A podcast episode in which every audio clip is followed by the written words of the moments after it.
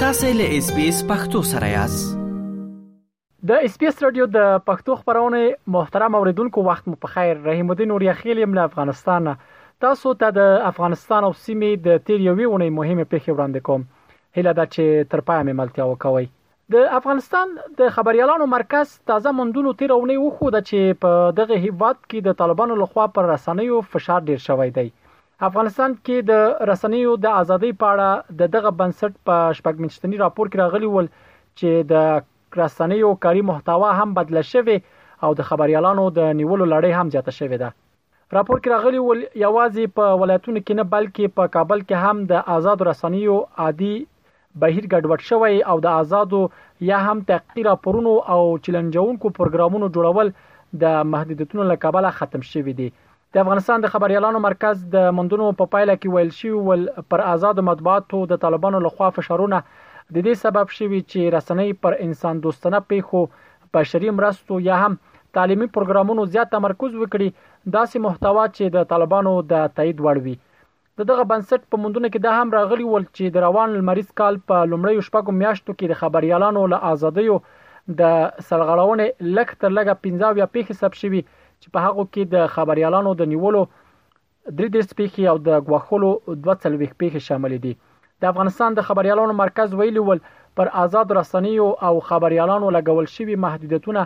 د دوی له قانوني حقه سرغړونه ده چې له چې نه یوازې ګټه نه کوي، بلکې د هېواد پر اطلاع رسونې او پرمختګ ناوړه اغېز لري.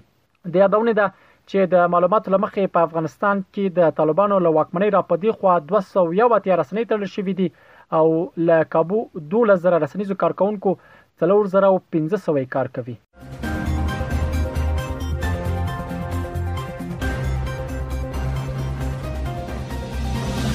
د افغانستان د تیر جمهوري نظام یو شمیر پوځیانو تیر اونۍ د یو پرانیستلیک لارې د امریکا له کانګرس څخه وغوښتل چې په افغانستان او ګاونډي هوادونو کې د پخوانیو افغان پوځیانو وضعیت ته جدي پاملرنه وکړي دغه لیک چې څه باندې 15000 پخوانیو پوځیانو له خوا لیکل شوی وو په افغانستان، ایران او پاکستان کې د افغانستان د تیر جمهوریت نظام د پوځیانو د وضعیت په اړه پکې اندېښنه ښودل شوې و. په لیک کې دغه سرتیرو نیوکه کړې و چې په تیرو دوو کلونو کې هغه پوځیان چې لک له خطر سره مخ ول خوندي هیوادونو ته لیکدول شوي خو پخوانیو پوځیانو ته هیڅ پاملرنه نه ده شوې د دغه لیک په یو برخه کې د امریکا له کانګرس څخه غوښتل شوی ول چې د طالبانو له زندانونو څخه د پخوانیو پوځیانو د ژر تر ژره خلاصون په مخه دي پر طالبانو فشار راوړل شي څو د پخوانیو پوځیانو له وژلو نیولو او شکنجه کولو لاس واخلي د افغانستان د تیر جمهوري نظام دغه پوځیان داسې مهال د امریکا له کانګرس څخه د مرستې غوښتنه کوي چې شاوخوا درې میاشتې مخکې په افغانستان کې د ملګرو ملتونو مرستندوی دفتر یا یونما یو راپور خپور کړ چې په هغه کې ادعا شوې و چې د طالبانو له واکمنۍ له پیل راهیسې د پخواني حکومت د پوځیانو په ګډون له 800 زیاتې بشري سرغړونې کړې دي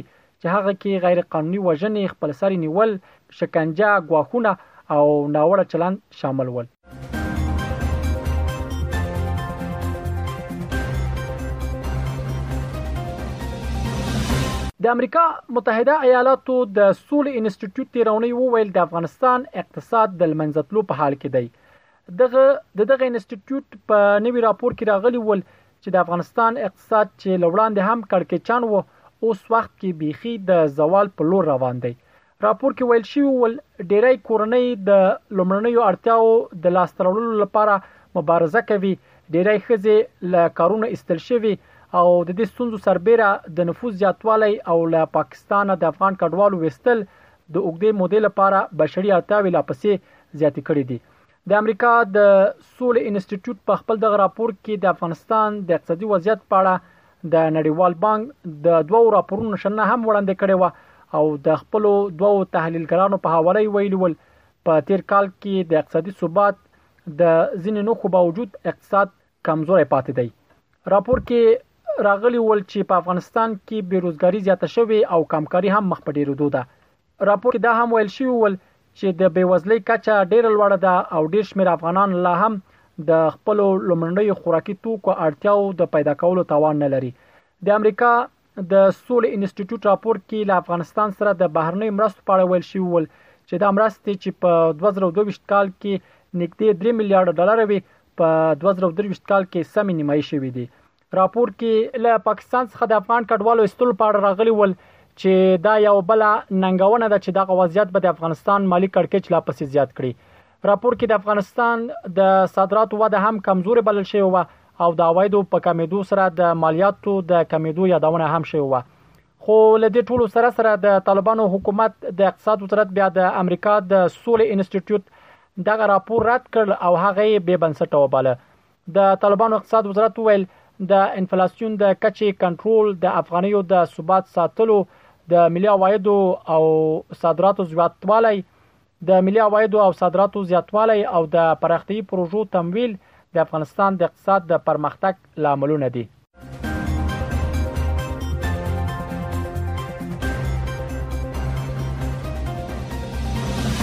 د دې اونۍ د پای موضوع هم دا چې د افغانستان په لویدیځ هرات ولایت کې تیرونی د طالبانو حکومت د امر بالمعروف ادارې د خزینه خیاطانو دکانونه وتړل